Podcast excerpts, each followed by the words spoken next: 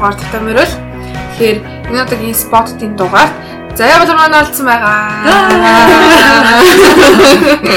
Сайн байцгаана уу? Тэгээ араас нь гойдон гойдон байж дугаартаа орууллаа. Оо би тэгэл орё л гэсэн шүү дээ. Гэтэ яг нэг цаг мэг гэсэн цагаас гадна холбогдох аягүй хэвчээстэй айгүй. Байна шүү дээ. Тэгээ дагруулцаал. Яа. Тэгээ гуравчин кофе шоп хийгээ тэгээ Монголын кофе шопод яаж ямар ч ямар дуутай юм. Амар дуутай шүү. Тэгэхээр бүр Монголд байгаа бүх том томсоор ирсэн за хайгалаа тэрээс л толдог тий. Тэг би бодсон. Би ялтчихгүй бодоол байхгүй байхгүй гэж бодвол. Тэгээд одоо яг өглөө цаг магаар ингээд нэг хүмүүнээс гойгаад нууц болон болонд хийвэл яг боломжтой юм тэр гэж ярьсан л та.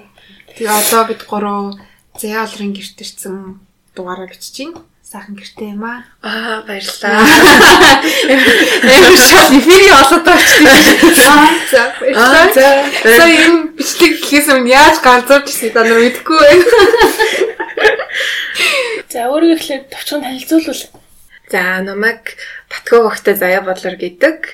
Би Монгол Германы хамтарсан технологийн их сургуулийг а энэ жил 2020 онд үйлдвэрлэлийн эдийн засагч, менежментийн инженер гэдэг аа тий. А товчхон хэлбэл industrial engineering гэсэн мэрэгчлэр төгссөн тийм хүн байна. За. Энэ дугаарын формат болохоор бас өөрөөр явагдана. Тэрний юу гэхээр бид хоёр заяа болроо дараагийн дугаарт орно гэдгийг аль хэдийн хүмүүсийн инстаграмаар мэдэгдсэн. Тэгээ заяалаас асуух зүйл байна уу гэдэгт асуулт цуглуулад тэгээ тэндээ бид нар шүүж аваад өөртөө бас нэлээд гой гой аюу хүнд хүнд за хүнд хүнд нь шишивлээ. Тийм туу сонирхол татгууз асуултууд нэмээд сохороод за эхний асуулт нь дээр эхний асуулт нь болохоор инстаграмаас ирсэн асуулт байгаа. Тэгээд танаа сургуулийн төгсөгчнөр хэдийн хэлтэй төгсдөг вэ гэдэг асуулт байсан. Тэгээд таны хувьд хэдийн хэлтэй төгсөв? Аа манай сургуулийн төгсөгч нар бол а яг за гурван хэл юм уу баттай. Монгол хэл нь бол мэдээж байгаа тий. Англи хэлийг хичээл хичээл дээр англи хэлийг үзэж байгаа. Тэгэхээр англи хэлний мэдлэг бол нэлээд сайжирдаг байх гэж би боддог. А тэгээд дээрэс нь герман хэлтэй болоод ингээд төгсдөг байгаа. А миний хувьд болохоор би нөгөө нэг 10 жилдээ Орос сургууль сурч исэн. Тийм болохоор Орос сургуульд 10-ад жил сурсан болохоор орос хэлний мэдлэгтэй. Аа тэгээд англи хэлээ бас хажуугаар нь ингээд сураад явж исэн болохоор ингээд англи хэлтэй. Герман хэлийг бол Жимайтигаас сурсан. Тэгээд Жимайтиг сураад хажуугаар нь бас нөгөө семестрээр Герман явхад Герман дадлага хийхэд ерөнхийдөө Герман хэлний мэдлэг бас сайжирсан байх гэж бодож байгаа. Тэгээд давхар нөгөө солонгос юмнууд айгу сонирхолтой болохоор үдсээр хагаад сураад явж байгаа. Description уушгаар нэг бол германаар хичээл, нэг бол орсоор хичээл, нэг бол солонгосоор хичээл би юу яа нэг хэлээрээ бичгүй одоо би тэгээд одоо C translation гэдэг нь харж иж ойлгоод байна шүү дээ. Яа. Аа дараагийн асуулт болохоор Ягаад Facebook, Instagram-аас та далуу болчихвоо нэг хэсэг. Тэгээ тэрэн дээр би бас холбоотой. Би ингээд нэг мэдсэн чинь ингээд заяа боллор гэдэг Instagram байхгүй болсон мэт нэг өдөр энэ нэг стори орж ирдэг дээ яагаад далуу болчих. Тэгээ яагаад гэж байхгүй зөө.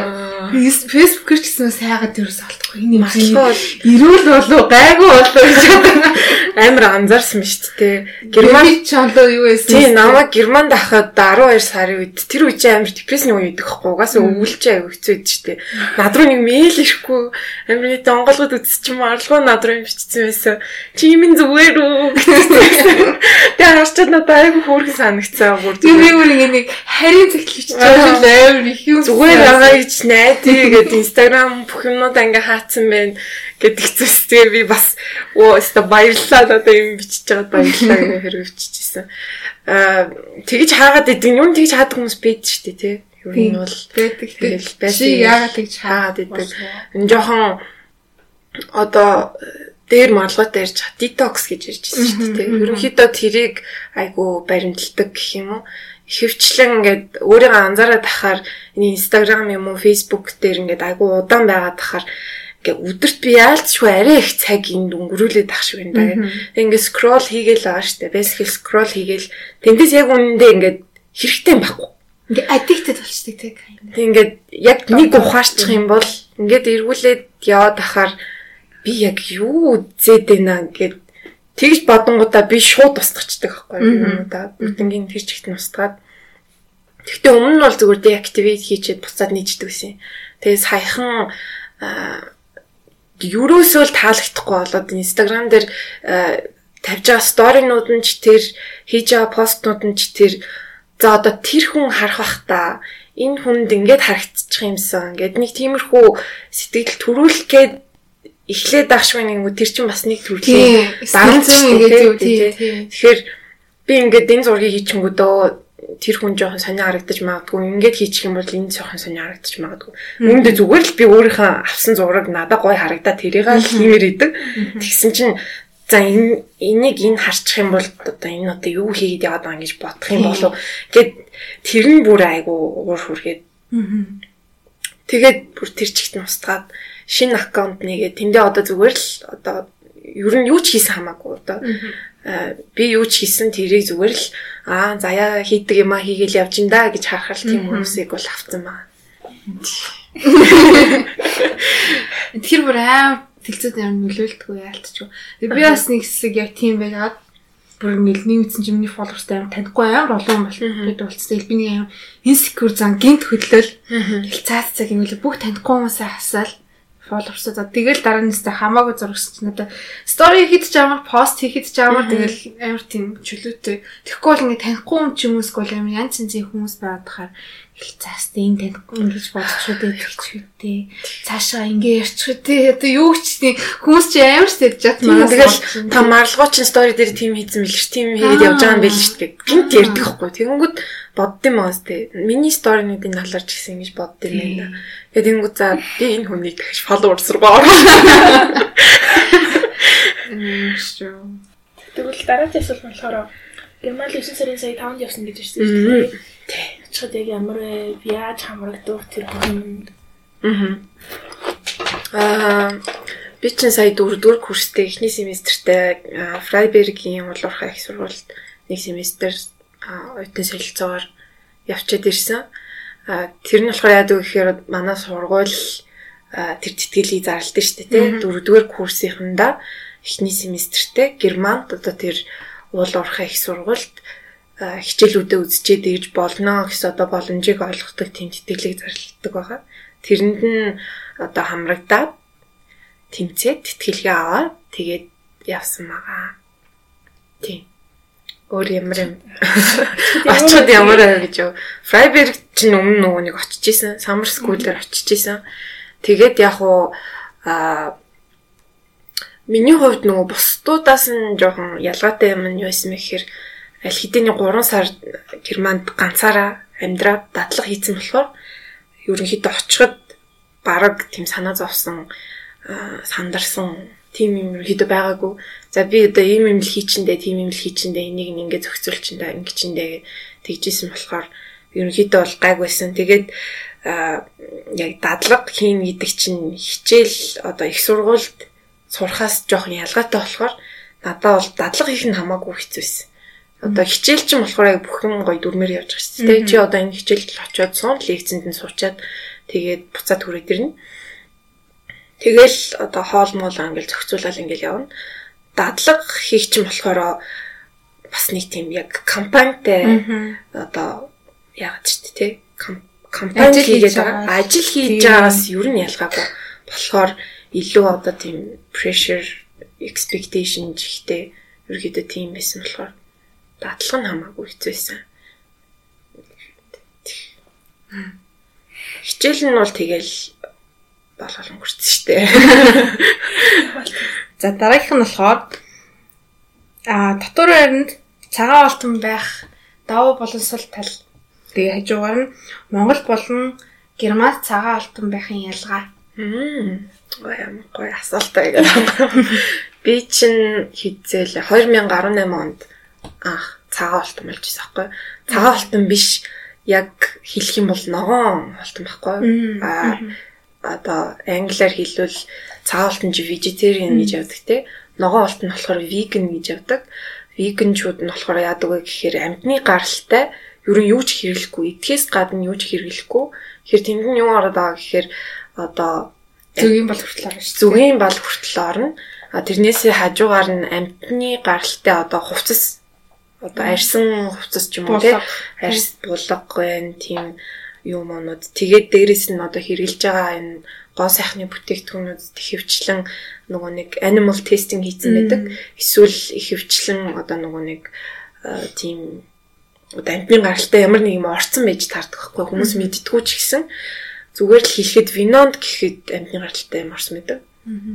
Тэгээд тэр бүгдийг ингээд мэдээд тийм юм бүгднийг хэрэглэхгүй гэсэн үднээс явдаг тийм хүмүүсийг веган гэдэг юм л та. Би одоо бол яг 100% веган биш. Гэтэ яг хуу веган аль болох байхыг ингээд хичээгээд явж байгаа. Тэгэхээр дотор байранд аа веган байх них амар хэцүү биш ээ. Ер нь бол гайгүй. Цаа одоо ногоон бол веган хоолнд чинь будаа орчод байгаа болохоор будаа чинь тэгэл Бараг ихэнх хувийг авчиж байгаа дээ. хувийг авчиж байгаа. Тэгэл зүгээр л хүн болгоны өдөр болго иддэг ногоонууд те. Би болохоор нүү хүмүүсний их иддэг болохоор өөр тийм одоо хашч байна уу те хулууч байна уу те лууван. Зүгээр л тийм юмнуудаа махныхаа оронд арай жоох ихийг хийгээл тэгэл яг ялгаагүй шараал тэгэл өөртөө цагаан хол гэдэг чинь нэг тийм амар хэцүү ш зүгээр өөрөө одоо committed байгаа те. Би яг ингээл мах ид- идэхгүй сүү сүү идэхгүй цагаан одоо тийм цагаан идэ мэдээ идэхгүй гэл гэх юм бол ерөнхийдөө хитгэн л юм хасагдчихж байгаа. Тэгээд өөрөө ингээд би айгу эрүүл амьдарч ин да. Тэгээд тийм чин цаанаа бас айгу тийм утга учиртай штэ. Веганизм гэдэг чинь эхний ээлжинд эрүүл байхыг хэлж байгаа. Ерөнхийдөө одоо мах тий ерөнхийдөө улаан мах гэж байгаа хгүй red meat гэдэг байгаа штэ. Тэгээд хям энэ юмнууд чинь нөгөө э, хор тавдар үүсгдэг юунда орчдөг байхгүй карсиноген гэж нэрлэдэг байдаг. Тэгээд тэндээ орчдөг болохоор ерөнхийдөө эрүүл мэндэ даад явж гин гэсэн үг. Аа хажуугаар нь энэ нөгөө нэг манай Монголд арай өөрлөлтөө. Гэхдээ гадаадд одоо Америкт ялангуяа agriculture гэдэг юм одоо энэ carbon а, carbon footprint-ийг үлдээгээд байгаа маш том зүйлүүдийн нэг. Яг үүндээ машин тэр одоо тэр машинд хэрэг те тэр юмнуудыг үлдээж байгаа footprint бол нэг амар их биш. Тэгж яхад тэр их олон livestock-ыг айгүй олноор ингэж үйлдвэрлэл байгаад байлгаад штэ тий. Тэднээс маш их carbon carbon footprint гарч ирдэг. Тэгэхээр байгальтай ээлтэй байна гэсэн үг. Тэгээд э, давхар ингээ эрүүл байна. Ер нь тиймэрхүү. Нэг амар ялгаа байхгүй. Тэрдгээр нь юу цагаан алт надад амар хайтагсан санагдсан. Би ч бас нэгсэн юусан мах идэхгүй байсан байхгүй. Тэгээд өдөрчөө идэвэл ланч цагаан гэдэг 50 минут лоо штэ. Тэгэл тэрнийхаар ингээ би бас нэг хүмүүс хүмүүс нэгтгэдэг байхгүй. Тэгээ дээр ингээ мах идэхгүй болохоор ч амар амар цаа. Нэг хөлдөө махаа ирчний цаг авахгүй. Яг үнэндээ. Тэгээ хүмүүс болгон гэж удахгүй. Байхгүй. Яа хурдан хурд нэг бараг 20 минутанд 15 минутанд хоолыг илжиж байгаа байхгүй. Тэгээ тэр надад амар амар гоё санагдсан. Амар хурдан тэмдэглэж бий Тийм. болоод чинь тий. Тийм, ер нь айгүй хурдан болно. Тэгээ ч ингээд заримдаа нэг тэгээд идчих зүгээр Тийм, тийм. Байнгын мах идээд байх чи ер нь монголчууд чинь эрт дээр үеэс энэ маха өглөө цагтаа идээд зундаа болохоор цагаан идээд тулгуурладаг мах ерөнхийдөө иддэггүйсэн байхгүй. Тэгэхээр бас ингээд жоохон балансыг нь олоод тэгж явал заавал цагаан алтан байх албагүй л те. Ерөнхийдөө заримдаа ингэж идэ. Тэгвэл айгүй гоё хөнгөн санагддаг байхгүй. Тэгээ ингээд Монгол цагаан алтан бахарын гоё нэрийн нэрийн ногоонод байдаг шүү дээ. Тэрхүү алт жоохон баг дээ. Энэ бол. Хан Германд очиод бол амар гоё юусан гэдэг шинэ төрлийн веган хоолнууд рецепи нэгээд нөгөө нэг а, Европдо ерөнхийдөө дэлхийдээ те веган веганчуудын байх хамгийн гоё газрыг Герман гэж хэлдэг юм билэ. Яагаад вэ гэхээр Германд веган хүмүүсийн тоо айгүй их байдаг. Зүгээр л одоо нөгөө нэг Фрайбергийн их сургуулийн Менса кантин нь штэ хоолны хоолны газар руу оронгууд цагаан хоолны хэсэг гэд бүр тусдаа байдаг штэ. Жорж үтчихсэн үү? мэдгүй орхын үед орж исэн гэсэн юм байна. Тэр бүр тусдаа өрөөнд байдаг хгүй. Аа тийм үү. Бүр яг vegetarian section гэд. Тэгэл тэр нь нэлийн олон хүн үйлчилдэг. Тэгэхээр хаа сайгүй ер нь хаач орсон vegetarian option гэд бэж идэг. Ерөнхийдөө тэр нь айгу дэлгэрсэн нь айгу гойхгүй. Тэгээд идэх хоолны одоо тэр юм хамаагүй их. Тийм бидэг. Яг тэр vegetarian vegan хоёрыг дараа цаана яг гол ялгаа нь яг юм бол. Vegetarian болохоор зөвхөн мах идэхгүй гэж байна. Тэрс л өндөг өндөг бол Тэгэхээр өндөг загас а одоо сүү бяслаг тий тийм юмнуудыг бол идэж болно.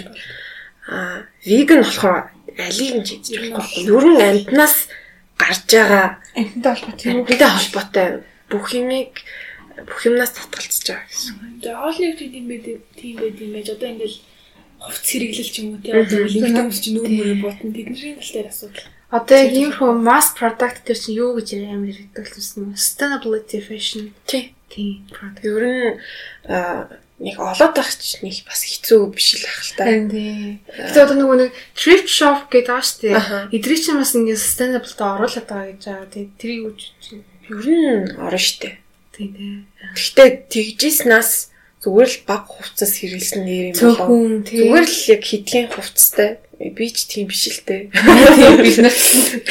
Гэтэ ерөнхийдөө тэрийг одоо одооноос ингээд жоохон багасгаад явах нь бас зүгэл байх гэж бодож байна. Ягаад тэгэхээр одоо энэ H&M те Zara энэ том дэлгүүрүүд чинь зүгээр л гэт бүр шахаад идэг те дэндүү хувцас хамгийн хямдханаар зарж одоо ингэж шахаж байгаа.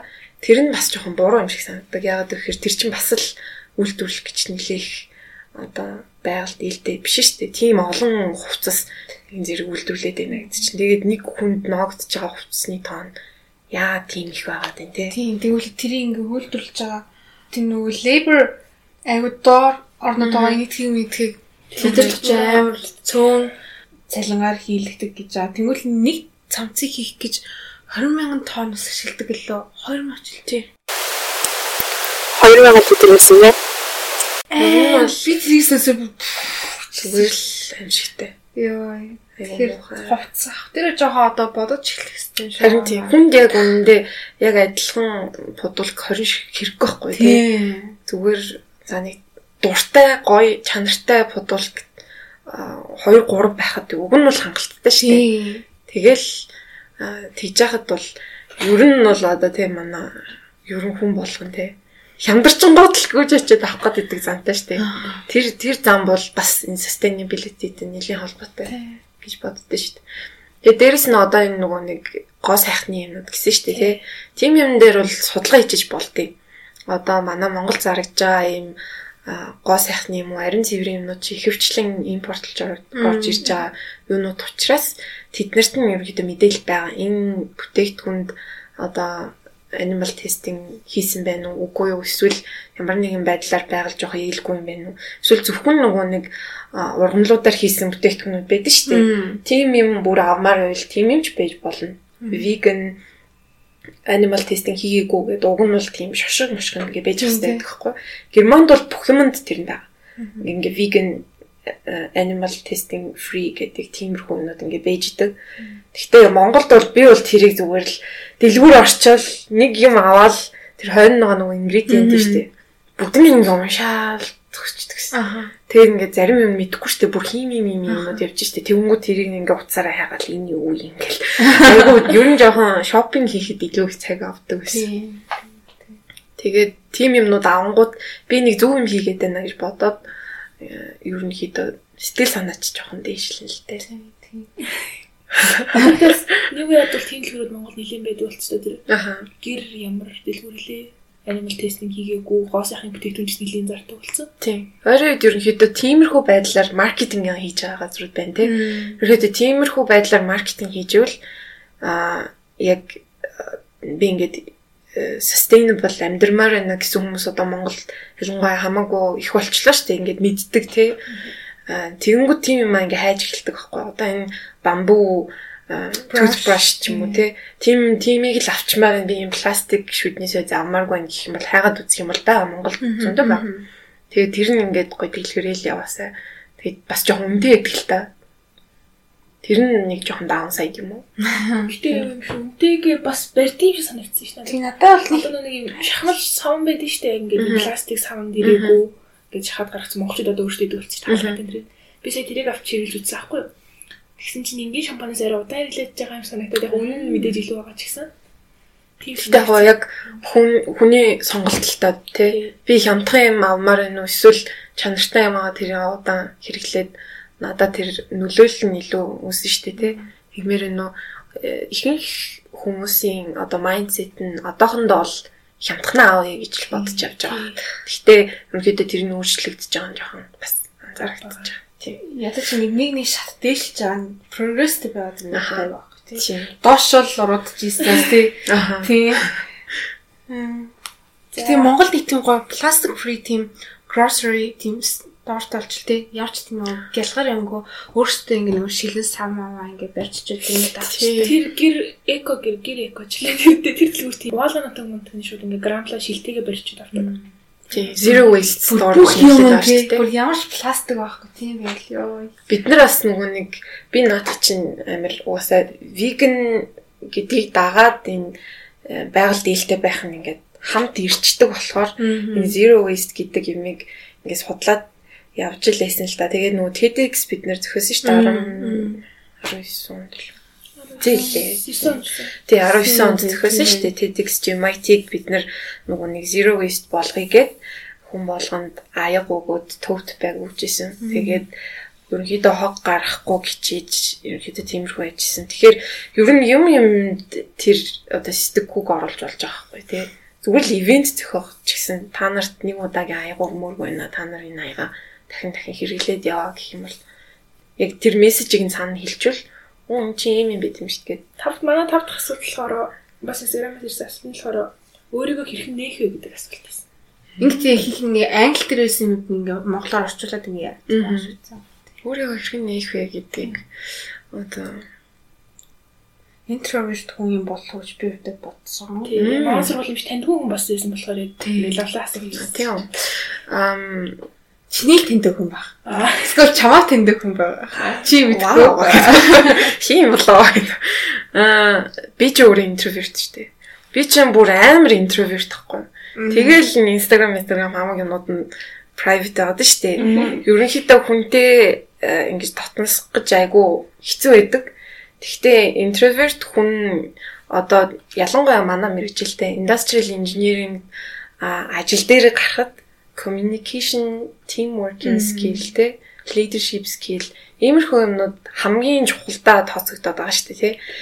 За өөрийгөө заяа чи нөө би тийм introvert биш үстэй. Надад л аюу introvert юм шиг харагддаг шүү дээ. Тэгэд ялгаа нь яг энэ дэр харагдчих жоохгүй яа. Тэгэхээр би марлагаатай илүү тултна байхгүй. Нандаа харьцуулбал э, танихгүй хүмүүстэй би баг ярьдаггүй. Ерөнхийдөө дотносоогүй бол ер нь ярихгүй Тэгэл намайг баг ингээд энэ хүнтэй ойртоход жоохон хэцүү юм байна да гэсэн ойлголт баг төрүүлэхээр тиймэрхүү байдлаар явдаг. Тэгээ миний занч тэгэд өөрөө тийм найзуудын хүрээч тийм э, том биш. Тэгэхээр э, заавал хүн болгонд таалах гадах шаардлага байхгүй л те өөрийгөө яаж нээх вэ гэхээр тэгэхээр зүгээр эхний ээлжинд дотгошоо бийжиж болно гэж бодож байна. Гэхдээ яг уу ингээд дотныхоо хүмүүстэй гоё илүү дотн байж байгаа жоохон сонирмол авчлаа гэдэг байна. Тэгэлж би бодоод өөрийгөө яаж нээх вэ? Яаж нээх юм? Би нээх юм нэмэргүй шүү дээ гэдэг байна. Ари өөр өөр зүр хэрэгтэй хүндээ нэг хэрэггүй хүндээ хаалттай л чи. Би одоо тэгж нээсэн юм хата. Хинт нээсэн бол. Энэ асуусан зайтай холбогдоорой. Тусчлан, а тусчлан бичлээ. Тийм бичлээ. Мм. Яг нь ийм талаас ойлгож болох юм л та. Өөрийгөө яаж нээх вэ гэхээр би ч өөрөө амар тийм интроверт хүн штэ.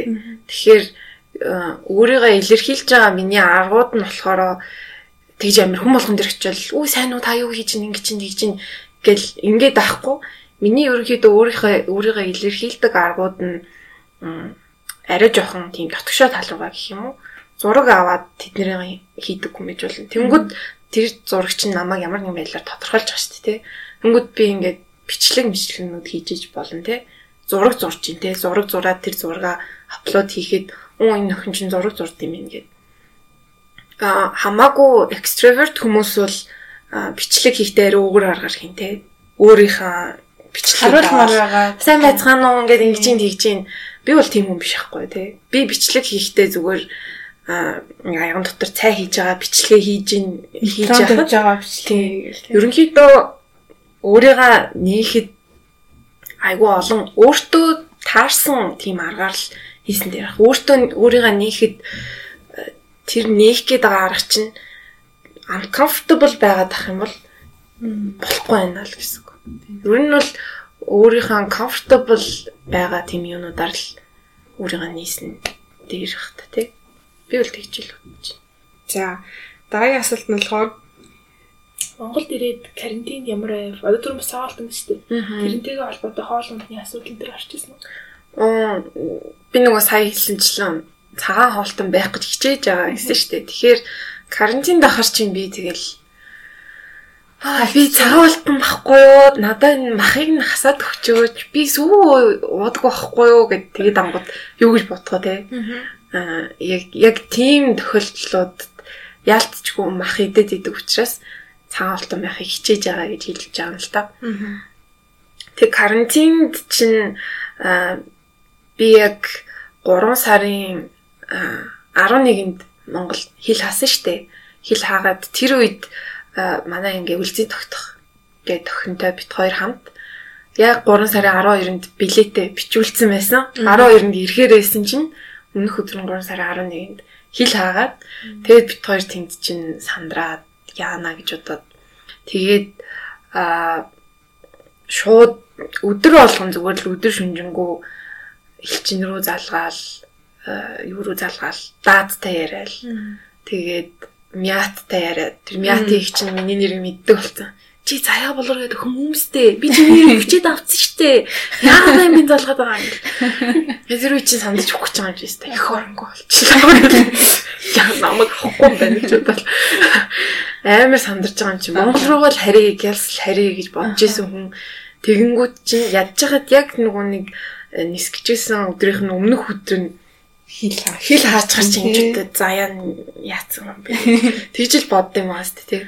Тэгээ байжсэн чинь яагаад чи мэдгүй азар 3 сарын 16-нд чартер нислэг гараад ирсэн. Тэгээ тэр үед ерөнхийдөө Герман, Европ тэгээд Америкт коронавирусыг ер нь сүртэй хүлээж авахгүй байсан шүү дээ. Тэгээд тийм болохоор Монгол руу ирье гэсэн хүсэлт гарсан баг байхгүйсэн. Тийм учраас үлзий бит хоёр шууд нөгөө нэг чагсаалтаараа нэрээрээ шууд дээш ороод ирчихсэн. Тэрнээс биш чадахгүй л явах байсан ба.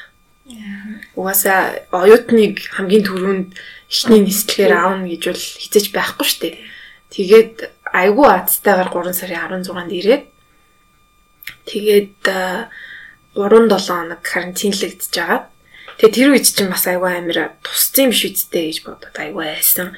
Манай манай нислэгээс яг хамгийн анхны авсан шинжилгээгээр 2 3 жил өвдсөн гэж гарч ирээд Тэгээд яг хуу за гайгүй мэн гэд нөгөө үлзий бит хоёр чинь зочид буудлынээс өсөд тусгаарлагдаагүй өсөрч яваагүй.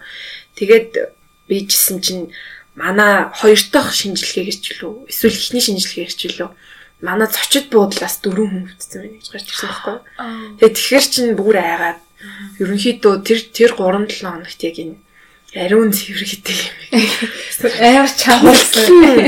Сахиж гарч ирсэн байдаг юм. Унтахтаа хүртэл маск зүгээр. Тэгээд би зүгээр нөгөө нэг хамгийн гол нэр чинь гаднаас нэг амир их юм оруулж ирэхгүй. Санитол нь байсан. Тэгэл ёо гар бүр гарнаас цус гарчлаа ингээл өдөр болгон юу ягаал гараа ариутгаал тэгээд тэнд ахта би 3 савн дуусгасан байдیں۔ 3 7 хоногт 3 савн дуусгасан. Тэгээд айгүй эрүүл байх гал те. Чацран мацран нэг чи амар уусч Тэгээ хоёр удаа шинжилгээ өгчөөд өвдөгөө гэж гарч ирсэн байт юм аа. Системсэг ойр ойрхон нэмэгдээлсэн шүү дээ. Ер нь аюу амарсан. Тэгээд сэтгэл зүйн хувьд ч гэсэн бас аюу хэцүү. Ер нь гадаадаас ирж байгаа хүмүүсийг аюу муу хашмжилж байгаа шүү дээ. гэж мэдсэн юм би бүр тэр коммент хийж уншаад бүр ёо өдр юм. Хэрвээ айгүй муухай байхгүй тий. Жохон мох санагдсан. Нэг хэлэхэд уншаад тахаар гадаадд амьдарч явахгүй яасан. Яг үндэ ирж байгаа хүмүүс чинь бүгдээрээ өөр өөр түүхтэй байгаа тий. Тэрийг ерөнхийдөө бол харгалцаж үзэхгүй байхгүй. Тэгэхээр тэр муухай шүмжлэлээ полисоо гэж хүсэж байна. Хүний мөс нь хаа нэмэ. Харин би За дараагийн асуулт энэ дээр нилээх цаг авна гэж би бодож байгаа. Тэгэхээр юу гэхээр хизэнээс яг яагаад K-pop сонсож эхэлвэ? За яг шиг наах надтай танилцсан нэг K-pop сонсдог охин биш сонсоо байсан юм аа. Та хоёр ер нь K-pop-ын талаар юу гэж боддیں۔ Тэрийг чинь нэг хэлмээр Ямар уухай. Гэхдээ яг хөө тэгэл тэгэл тэрсэн. Улс улсын өөрийнх нь онцлогийг үзүүлж байгаа зүйл шүү дээ. Одоо шинэ K-pop гэдэг зүйл чинь ингээд дэлхийн тавцан солонгос ямар амар алдартай болгож байгаа лээ тий. Сүүлд ямар амар хүчээ авч байгаа лээ. Нэг хэсэг бас used to be K-pop ч шүү дээ. Ойтон болол бэлдсэн болохоос. Тэгээд тэглээгэл нэг амар ингээл дандаа оролт нэг амар хүмүүсээс энэ тэнд очиж хэрүүлээгээ зөвлөл хийдэг. Тийм бол мэдээж биш. Би бас тийм биш шүү. А би K-pop-ын талаар юу гэж боддог вэ гэхээр тэг би ч нэг хэсэг K-pop сонсдог байсан үнэ хэлээ. Юу сонсдог байсан чи? Дол би ч бар 7 малтгаа 7 малтаа тодор сонсдог байсан. Tiara. Tiara юу юм бэ шүү? Тийм Tiara-гийн юу. Тэгээ 21 эдрээр сонсдог. Тэгэл тоглож үзэж нэг сонсоод хэлсэн. Тэгээд одоо юу гэж боддог гэхээр яг солонгос жоос яг энэ чиглэлээр бариад хамаг ингээ мөнгө нь энэ дээр ингэж энийг дайрч ингэж яаж байгаа штэ. Тэгээд тийм болохоор солонгостой айгу энэ л айгу дэжгүй зөв бодлого тэрээга ч гэсэн ингэ дэмжиж байгаа нэг айтайхан entertainment ингэ хөгжүүлж байгаа. Аа тэгвэл тэрнийгээ дагаад энэ ингээд талцаж хуваагдаж байгаа хүмүүсийн social media тэр зүйл нь амар юм бэлээ. Йой За тэрэн дээр юу гэж ярих вэ гэхээр тэр одууд тэр ирж байгаа даамтууд амар хэцүү юм шүү байгаа. Би тэрийг аягүй ойлгосон. Хүмүүсийн ярианд сонсгоод тааж. Тэгвэл дараа нь болохоор тэр K-pop одуудын төлөө ингээд талтж байгаа хүмүүсийн комментүүд ба бүр амар юм билээ. Йоо. Тэгээд юу нь бол аягүй тийм зартай салбар юм бэлээ. Хил ам дагуулдаг. Тийм тийм. Ер нь бол тийм шүү. А харин урлаг талаар ярих юм бол яг яг л математик болцсон юм байлээ. Яг ингээл хаана ямар structureтэй яаж явах вэ? Тэр нөгөө дууных нь нотууд, кордууд нь гэсэн математик болцсон. Яг нот нь аль ноттой яаж гагуу сонсогдох уу? Яаж хүний ингээ гоё юу гин те beat per minute л BPM гэдэг. Тэрийг яаж гоё ингэж дээшээ олохгүй яг тэрний шинжлэх ухаан бараг болсон юм шүү энэ чинь. Салбар тий. Тийм тийм болохоор яг тэжгүй гэтээ надаа яг үнд хэлнэ ингээд яг сонсох гэхээр нэг бүгдээрээ адилхан сонсогдоод байгаа юм шиг. Эсвэл ялгаж сонсч чадахгүй болохоор тэгдэг ч юм уу. Яг ихний ээлжинд би бас яг чамтай адилхан байсан. Яг энэ бүх дуунууд амар адилхан сонсогдоод байгаа юм шиг санагддагсан байхгүй. Тэгэхээр яг одоогийн байдлаар энэ K-pop-ыг төлөөлөд байгаа хідэн юм алдартай дуунууд байгаа дээ шүү дээ. Сонсоод үзэх юм бол яг адилхан. Тахилтан дээр нэг юм EDM орж ирээл Дин дин дин дин дин дин дин гэл нэг орж ирэнгүүт хажуунаас нь нөгөө нэг дуулж байгаа нь амар чанга ингэж ингээл тэнгууд дундуур нь гинт нэг рэп орж ирэл. Дан дан дан дан тэгэл дроп хийгээл нэг гинт дроп хийнгүүтээ ингээл bridge хийгээ даа даа гэл нэрээ мэдээж хэрэг K-pop чинь music видеоор амар алтартай. Тий. Music видеонд бол нэлээд нүсэр хийгддэг. Аа Гэхдээ би ч юм бол яг K-pop-ыг мэдж байгаа штэ. Ерөнхийдөө мэдхгүй хүн гэж бол байхгүй. Ер нь ийм юм байдаг та. Хүн болгоны л ойлголт за за энэ тэгэл энэ тэгэл нэг юм л байдаг да гэл бийж идэх. Би ч юм болохоор Big Bang 21 хоёрын фильм. Аа тий тий Big Bang. Би ерөнхийдөө тэр хоёрт аягүй дуртай. Тэр хоёрыг гүйцэх хамтлаг ерөнхийдөө байдаггүй гэж боддог. Аа тий. То манай EXO ч гэсэн яг үндэ Big Bang-ыг үүсэхгүй байхгүй. Би бол тэрийг тэрийг бол баттай хэлье. Big Bang ч бүр legends шүү дээ тийм ерөнхийдөө аа тэгээд тий тэгж явж байгаад би тэгтээ нөгөө нэг K драма айгуух үздэг. Гэтэ нөгөө үзэхдээ амар тийм амар алдартай болоод байгаа тийм юм шүү дээ. Юу юм бэ? Гинт амар подкаст хийсэн чинь гинт манай гэрт чинь ямар их чимээ гарт юм бэ гэж боддоо. Яг яг ингээд подкаст хийхээр ингээд чимээ аим анзаардаг болчихсон тий. Чанхан зүгэл хүртээ. Бүгд дээр ингээд анхаарал төвлөрөд. Тугаалч цэнийг ирсэн хөргөч ундраач юу? Хөрч нь одруулсан шүү дээ. Тэгээд хөрч нь аим дуурайд болдог. Тэгээд за тийм Тэгээ юу Big Bang Big Bang гэх байсан. Тэгээ K K драма үздэг байхгүй. Гэтэ нөгөө хүмүүсийн үзээд идэг аа, тийм амар алдартай драманууд нь штэ. Тэднэрээс илүү бүр цаана нь айгуу гоё драма. Under underground тий одоо underrated тийм драманууд байдаг байхгүй. Тиймэрхүү юмнуудыг үзэх дуртай. Ингээд үзэнгүүд надад нэг сургамж үзүүлээд байгаа ч юм уу эсвэл айгуу тийм гоё тиймэрхүү юмнууд үзэх дуртай байхгүй. Тэгээд би нэг драма үзэж чаад нэг залуу айгуу гоё харагдаад болтгоо. Тэгээд тэгээ хайгаад үзсэн чи EXO-гийн гишүүн байж таарсан байхгүй юу? Тэгээ би EXO-ч мэдчихэж дээ. EXO-г мэдгүй хүн баг байдгүй л. Тэгээ юу илээ гэд судлаад үзчихсэн чинь за би зөвхөн энэ гишүүнийг л чаниол та чаниолыг л шүтээ гээл явж исэн аа. Гинт ингээл явж явж аа. Гинт харсан чинь за би дөрвөн л хүн шүтээ гээл болж аа. Гинт явж явж аа. За ерөөсөө EXO-гийн одоо 9 гишүүн гэсэн л гоё юм байна гээл амар ер нь нэглээ орсон. Гэхдээ тэгэж амар орсон нь яг нөгөө Германд дадлага хийж явах үед Тэгээд яг яасан бэ гэхээр Германд чинь би яг анх удаага нөгөө нэг ингэж ганцаараа тий таньдаг хүн ерөөсөө байхгүй. Ерөөдөө айгүй хэцүү байсан үе л дээ тэр Айгүй бidaaч. 3 сар дадлага хийж явах үед бүр тэрнээс гадна би бүр нөгөө эхний 2 сарда цалинж байхгүй. Цалингаа авч чадахгүй.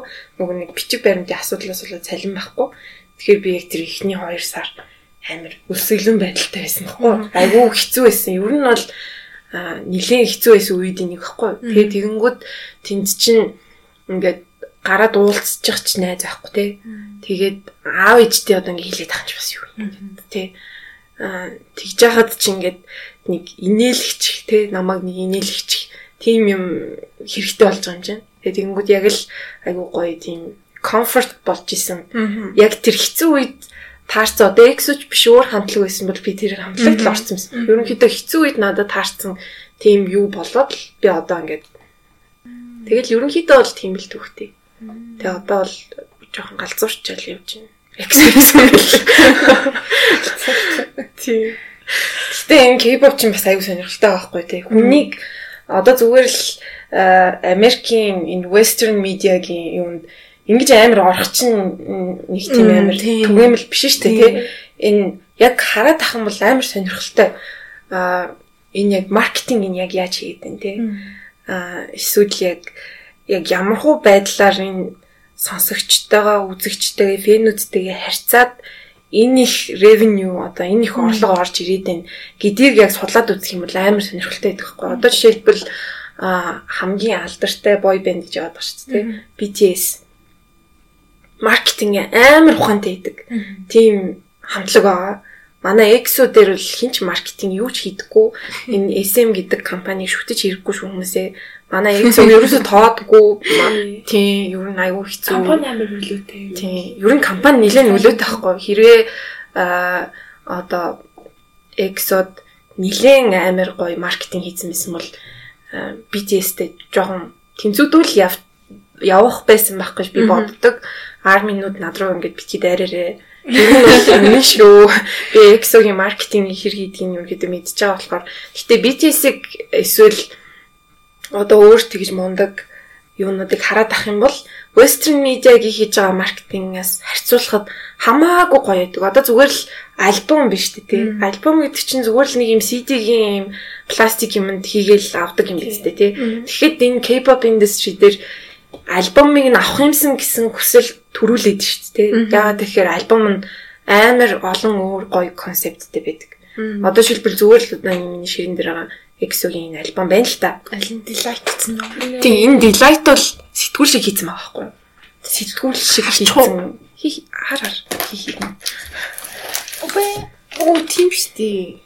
Сэтгүүл маягаар хийсэн тийм юу байхгүй юу? Задал задал амар яхан. За зүгээр. Тэг ингээд дотор нь айгүй хүрхэн бикёны зурагтай. Яа бикё. Яг сэтгүүл шиг тийм. Яг сэтгүүл шиг хийсэн байдаг хгүй. Тэгээд ингээд дотроо ийм фотокарт, стикер энэ дээрээ бүгднийг нь оруулсан. Тэгэхээр ерөнхийдөө мерч зараад байгаа л гэсэн үгтэй. Тэгээд та нар ингээд CD-г нь авна. За ингээд гартаа байж үзэж байгаа. Миний одоо юу? Гурав дахь хамтлагийн альбом боллоо. Ваа, нь хамгийн анх. Би тэр айтем хоёр байсан. Тэгэхээр ер нь энэ entertainment company-нуудын маркетинг гэсэн юм амар сайн ажилтдаг байхгүй. Тэгээ тэр нь бас айгуу сонирхолтой шүү дээ. Бүгдээр ялангуяа engineering-ийн э, мэрэгчлэр сурж байгаа хүүхдүүд бүртээ яг үндэ энэ манай мэрэгчил чинь амар олон тарал руу хөвөрж болохоор тийм мэрэгжил шүү дээ. Entertainment industry рүү хүртэл хөвөрж болохоор. Оо, эхнээсээ хөрвөөд байгаа гоё цаач. Тэгэхээр Цэнгэнэ. энэ дээр чи ингээл орохоор те энэ альбомыг зүгээр ихний юунаас нь сүүлийн продакт гаргахад supply chain management орж ирж байна тийм. Тийм. Тэгэл ийм айгу сонирхолтой байдаг байхгүй маркетингийн харахад ч гэсэн сонирхолтой. Тийм. Айгу тийм нөгөө нэг юу гэдэг штэ яг ойлголтууд K-pop-ийн фэн гэхээр ойлголт Тийм стереотип гэдэг. хэрүүл хийгээл явж идэг. Ерөөсөө миний хайр, миний хайр гэх. Тэг би ч бас миний хайр гэдэг л дээ. Гэтэ тий энэ өстө миний найз байна минь тэр гэж бас тэгдэг хүмүүс одоо бүр delusional. Мм, Тэгэнгүүтээ миний юм жоох охтууд яг 12 13 настай охтууд байгаа гэсэн ойлголттой байдаг. Үгүй л дээ. Үгүй л хэрүүлэг гэдэг аа. Үгүй ахгүй. Яг үндэ ингээ ажил хийгээд те хажуугаар нь ийм дууг нь гоё сонсоод би яг үндэ EXO ингээд гоё харах гэж биш дуунууд надад аягүй таалагддаг хгүй юу. SM Entertainment Music Production амар өндөр чанартай байдаг. Мгм. Тэгээд тэрнээс нь болоод ерөөхдөө сонсдог. Манай Picon жишээлбэл R&B дуунууд R&B K-R&B дуунууд гаргадаг. Байхад одоо манай Chain балладууд гаргаж чинь тий. Ерөнхийдөө тиймэрхүү юмнуудыг энэ гой сонсоод production-ыг яаж хийсэн бэ? Цаана нь үе шатууд яг яаж явчихна? Гэсэн талаас нь яг харъя гэх юм бол K-pop гэдэг чинь амар сонирхолтой тийм индастри байгаа байхгүй тий. Тэгэхээр бас юм өнгөц ойлголтоо бас байлаасаа гэж хүсэж байна. Нөгөө нэг ийм бүр систем үүссэн маа шүү дээ тий. Трейни систем гэдэг а ардаа юм entertainment company-нууд нь амар алдартай яваад шүү дээ тий. А western media-д бол одоо Lady Gaga-гийн компани юу ингэнгүүд мэдгүй шүү дээ. Тэгэнгүүт Солонгост бол за EXO гингүүд SM BTS гэх юм бол Big Hit гэд те. Twice гэх юм бол JYP-гээр явж гин.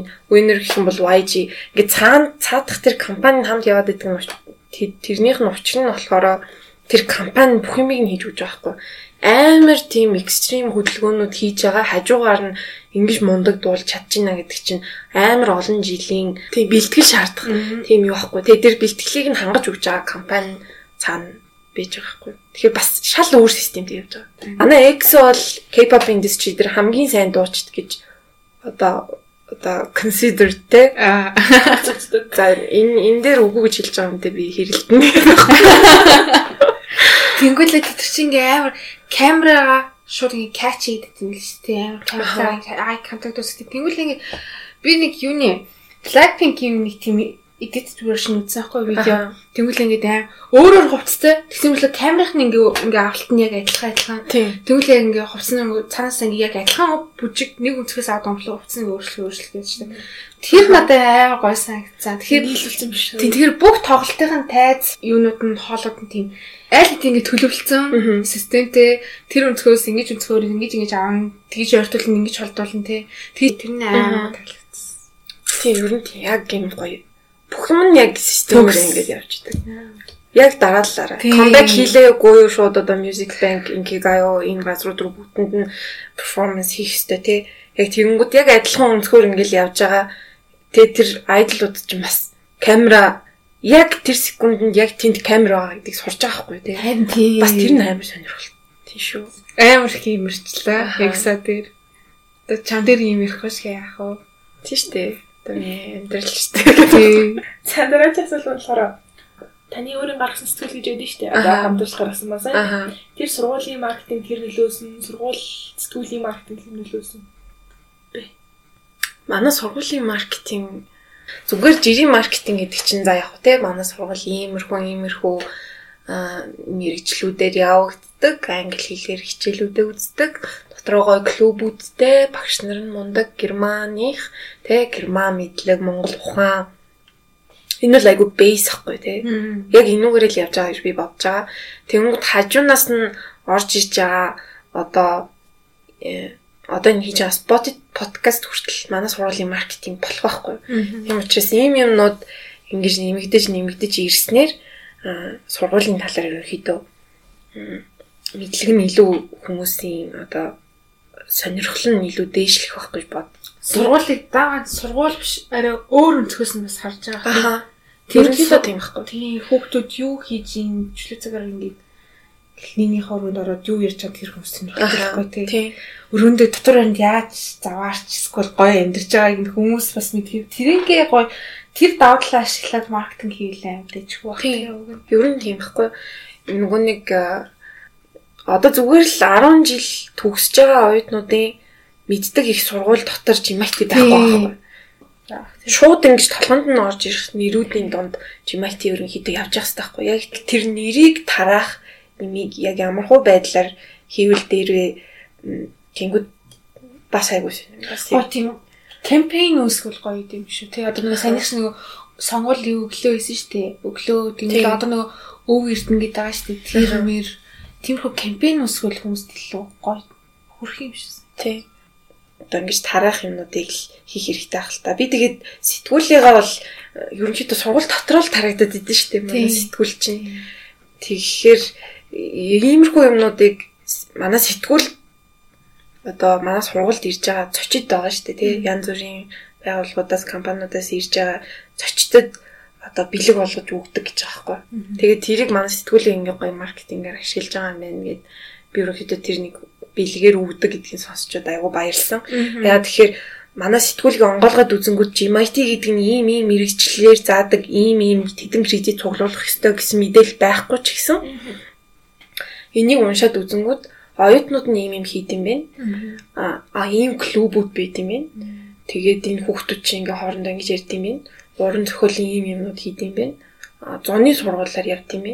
гэсэн тийм юм гараад ирчих байхгүй. Тэгээд Ачимайти гэсэн сургууль байд юм байна гэсэн тийм мэдлэгтэй л болох байх гэж боддоо шүү дээ. Жимайтигийн newspaper хийх гэж байна гэсэн зар явуулж ирсэн байхгүй? Тэгсэн чинь амар сонин сонин хүмүүс ирж исэн. Би бол чимгүн бэлгийг ирнэ гэж юу ч бодоагүй. Тэгс чи хүрээд ирдیں۔ Би сэтгүүл хийж исэн юм аа гэд. Тэгэхээр н бүр ямар сонин байж одоо тэр хүмүүсээс ирж байгаа тэр санаанууд айгүй гоё. Гой гой санаанууд гарч ирдэг. Тэгээ тэрийг чи ингээ айгу гой болгоход би бол сэтгүүлийг хийгээд амар олон юм сурсан. За ийм фонт чи энэ фонттой таардаггүй юм байна. Энэ дээрээс авж байгаа энэ зай, доороос авж байгаа зай, энэ зургийг ингэж хийхгүй болохгүй юм байна энэ transparency-гийн жоохон багсыг наашлуулъя, дээшлүүлъя, энэ фонтны хоорондох зайныг болж өгөхгүй юм.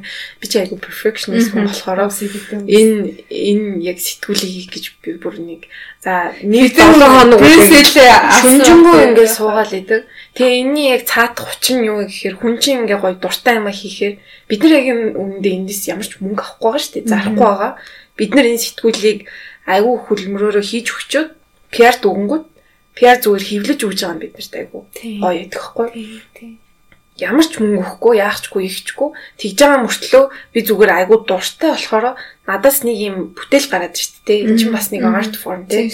Бүтээл гараад ахад зүгээр тэрийгээ хийх дуртай болохоор ингээд бүтэн 7 хоног өдөр шөнөгүй сууж гаргаж ирж байгаа юм баггүй дүүрэг юм бичсэн юм бас юм шиг.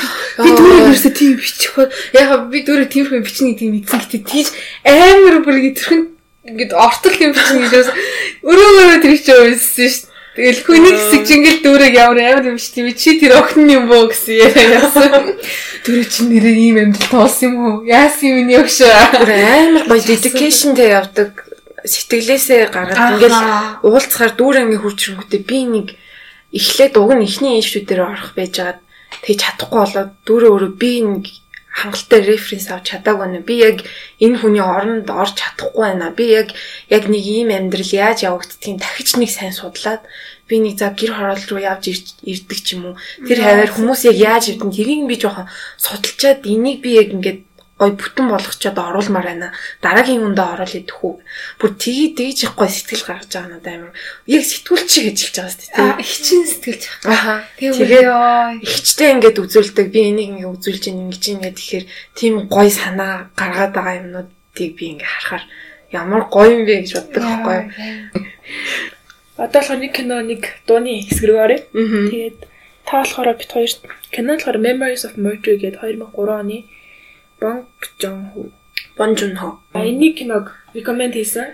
Аа. байгаа. Тэг ингээд би ингээд хараад үзгүй энэ нэг саяны параситик хийсэн кино нэ. Тий. Тий, штэ. жүжигчин ч бас огчаг хийсэн. Аха. Тий, тэгээд Жогчог үзсэн. үзсэн штэ. Тэгээд үзчихэл за тэгвэл нэг энэ яг сонирхолтой байгаа гэж ингээд нээсэн чинь триллер хийсэн тий. Аа. Тий аллах. Тий. Цагдаатай. Надад тгийж сацсан энэ кино дахиад үзэх тоолонд өөр өөр хүн байж болох юм байна гэсэн сэтэл ингэж харагддаг. Харж байгаа гарцсан бүр ингээ нэг eye contact юу хийж байгаа. Чи бүрстэ гоё хэсэг олж авсан байна. Тэр чинь ерөнхийдөө а ерөнхийдөө киноныхаа талаар товч тайлбарлал Memories of Murder гэд Солонгосын алдартай Жун Хо найруулагчийн 2003 онд гаргасан кинонуудын нэг нь идэг. Би тэгээд энэ киног сонгосон шалтгаануудын нэг нь юу гэхээр 19 онд Parasite гэдэг кино түүхэн одоо тий ийм гадны кино Best Picture хочж байгаагүй. Тэгээд би тэр найруулагчийг ерөнхийдөө тэр Parasite гэж гараал ерөнхийдөө нилийн хүн болох нь лоо Parasite Parasite гэж хэлсэн шүү дээ. Тэрнээс нь өмнө би яг энэ Memories of Murder гэдэг киногоор нь мэддэг гэхгүй юу. Миний ерөнхийдөө хамгийн дуртай кинонуудын нэг. Тэгээд араас нь Snowpiercer ингэж гаргасан мэдэг. Okja би ч нөгөө vegan болохоор тэр Okja гэдэг үл тэр veganism agricultureтэй айгуу тийм холбоотой тийм кино. Тэр нь айгуу гой санагдав. Mother гэдэг кино байдаг. Бас айгуу гой кино. Mother бол зүгээр те бүр what гэмээр тийм кино байдаг. Айгуу гой найруулдаг тийм мундаг найруулагч ихгүй юу. Тэгээд хүмүүс зүгээр зөвхөн Parasite Parasite гэхгүй ерөнхийдөө шилдэг кинонуудынх нь нэг байхгүй Memories of Murder-ыг үзэрэй гэж хүссэн. Тэгээ энэ кино нь болохоор жинхэнэ амьдрал дээр тийм. суурилсан тийм real life based тийм. а 1986 онд Hwaseong murder case serial killing гэсэн Солонгосын хамгийн анхны serial killer тийм ерөнхийдөө Солонгосын хамгийн алдартай цуврал аллахын хэрэг байдаг хгүй юу? 86 оноос 90 90 хидчлээ ерөнхийдөө тэр оны хооронд нэлээд олон хүнийг ингэж аллах үлдсэн тийм хүн хүний тийм кейс эдэг хгүй яг жинхнээсээ тэр Хвасон гэдэг газар Кёнгидо гэдэг газар яг тэр байдлаар тэр аллуудыг хийсэн тий яг тэр хүсэн байгаа хүмүүсийн байдал айлхан байна тий тэр стокингс гарын тий яг тэр аллага дээр суурлаад солонгост амар олон кино хийсэн мэт гэхгүй а сигнал гэдэг олон ангид кино байгаа. Tunnel гэдэг олон ангид кино байгаа. Бас айгүй олон тийм юмнууд хийгээд хүмүүс ерөнхийдөө үзэх дуртай тийм юмнуудынх нэг. Тэгээд дээрэс нь дахиад энэ киног сонгосон шалтгааны нэг нь одоо хүртэл алуурч нь олдог байсан байхгүй юу?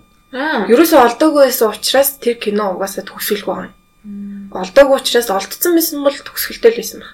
Тэр үед алуурч нь олдог байсан байхгүй. Тэгээд 19 оны 10 сард алуурч нь өөр гарч ирээд би энэ хүмүүсийг алсан юм а гэж гарч ирээд сая яг түрүү жил 10 жилд солонгосоор нилээ юм болсон байхгүй. Тийм. Хасан murder case-ийн алуурч нь олдчихлоо гэх. Тэгээд тэр хүн өөрөө аль хэдийн хоронд бэжсэн бэж таарсан. Тэгээ гарч ирээд би ингээд ийм хийсэн. Та нарын тоолж байгаагаар бол 10 байна. Би 10 биш дахиад хэдэн алсан. Дахиад хэдэн ингэсэн. Тэгсэн. гэж ингэж гарч ирсэн мэт.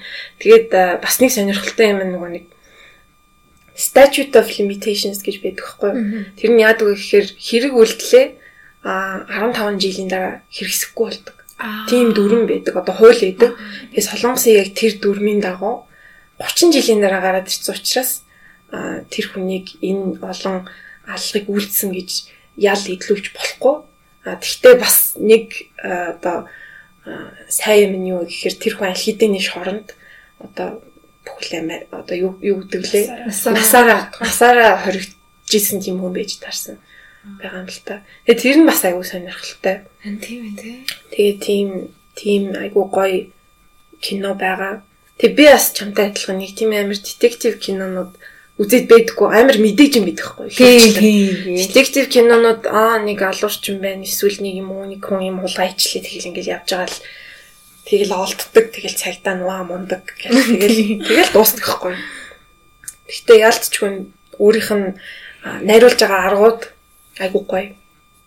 Судлаад үзэх юм бол тэр нэг камерын үнцэг те яаж cinematography яаж хийсэн бэ? Хаашаа яаж харсан бэ? Бид нар чинь нөгөө нэг art of film and photography дээр тиймэрхүү юм судалдаг.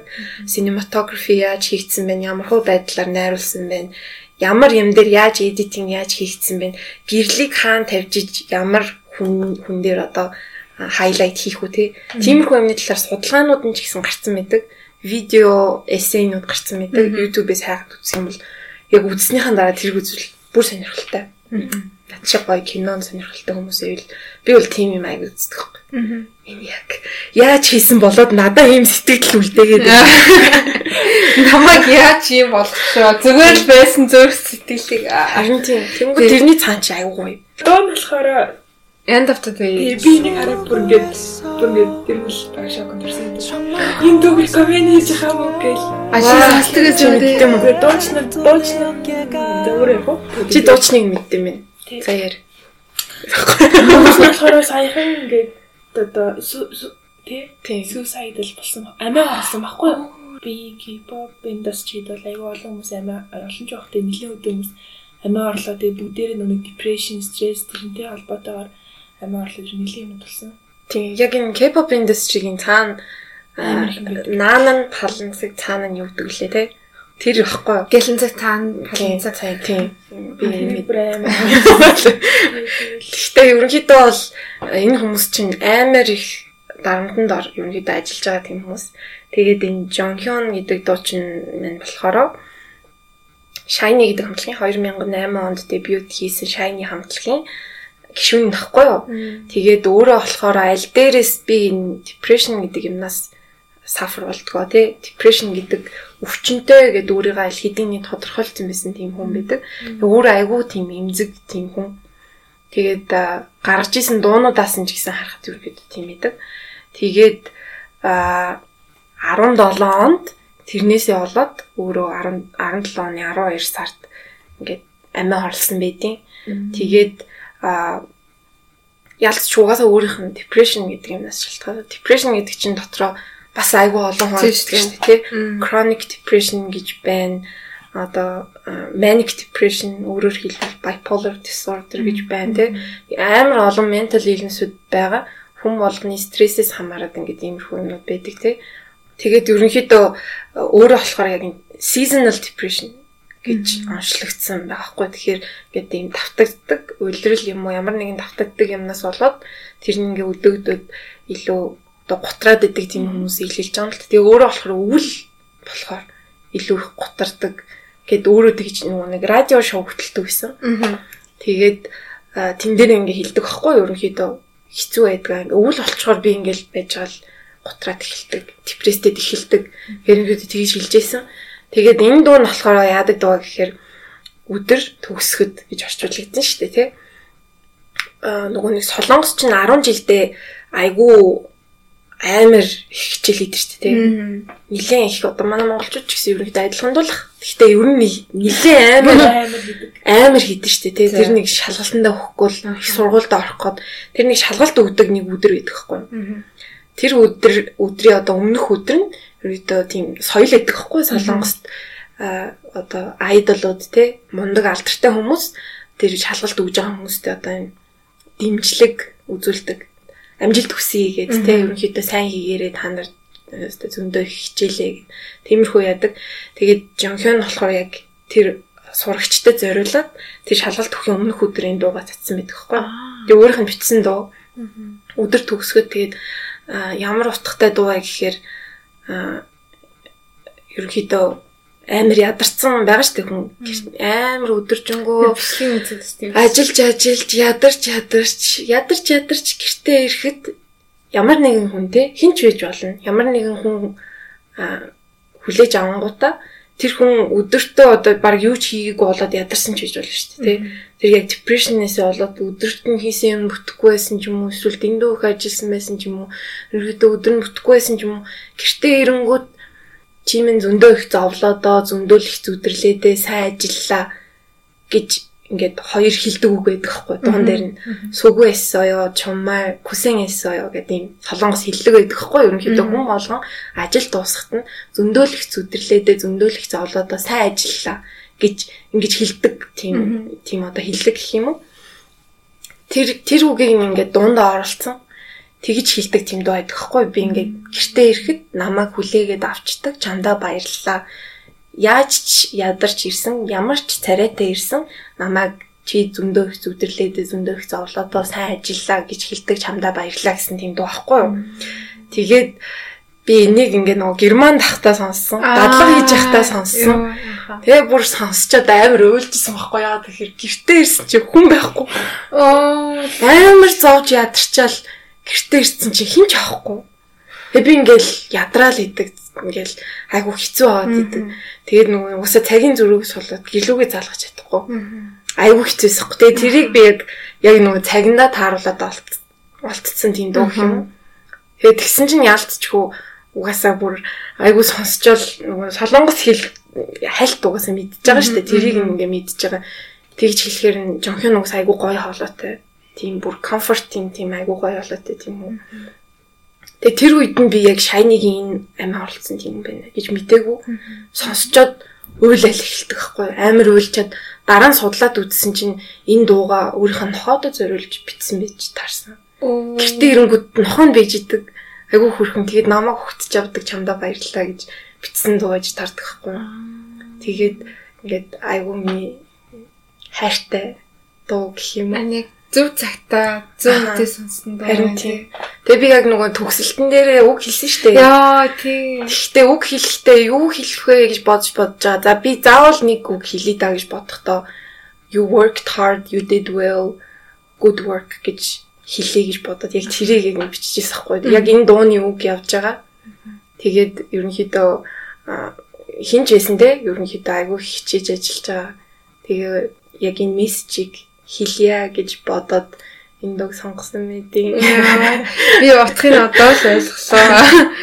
Йоо, тэгэд хиний зайлрын төгсөлтөн дээр хэлсэн үгээр амар гоё. Цэгнээс тэгж хэлчихсэн аахгүй. Би өмнө ерсэн гэж юм спич ингэж амар яг ингэж ойлгож ингэж гоё анхаарлаа төлөвлөж ингэ сонсож байгаагүй.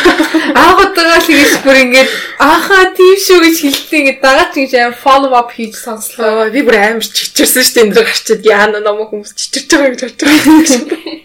Амар гоё ерсэн. За тэгээ тийм юм байна. За за за их сайхан ярилцлаа. Айгу удаан ч Оо, подкаст. Айн тэгж нийцсэн хамгийн одоо подкаст л тий. Зарах шиг үзгүй ах уу. Тэгээ гүйтхэн юм чи баг Тэгээд ер нь л айгу тухтай хэлцлээ шүү дээ. Би бас дахиад сууж байгаа. Тэгээ би энэ зүгээр аим шарагдчихэр юм. Надад бас ингэ. Хажууд харан юм уусч чи бүр ёо. За тэгээд цаг зав гаргаад бүр ингээд гэртээ авчираад байлаад подкаст Ондоо усаа бэлээ да. подкаст Хооллоо да.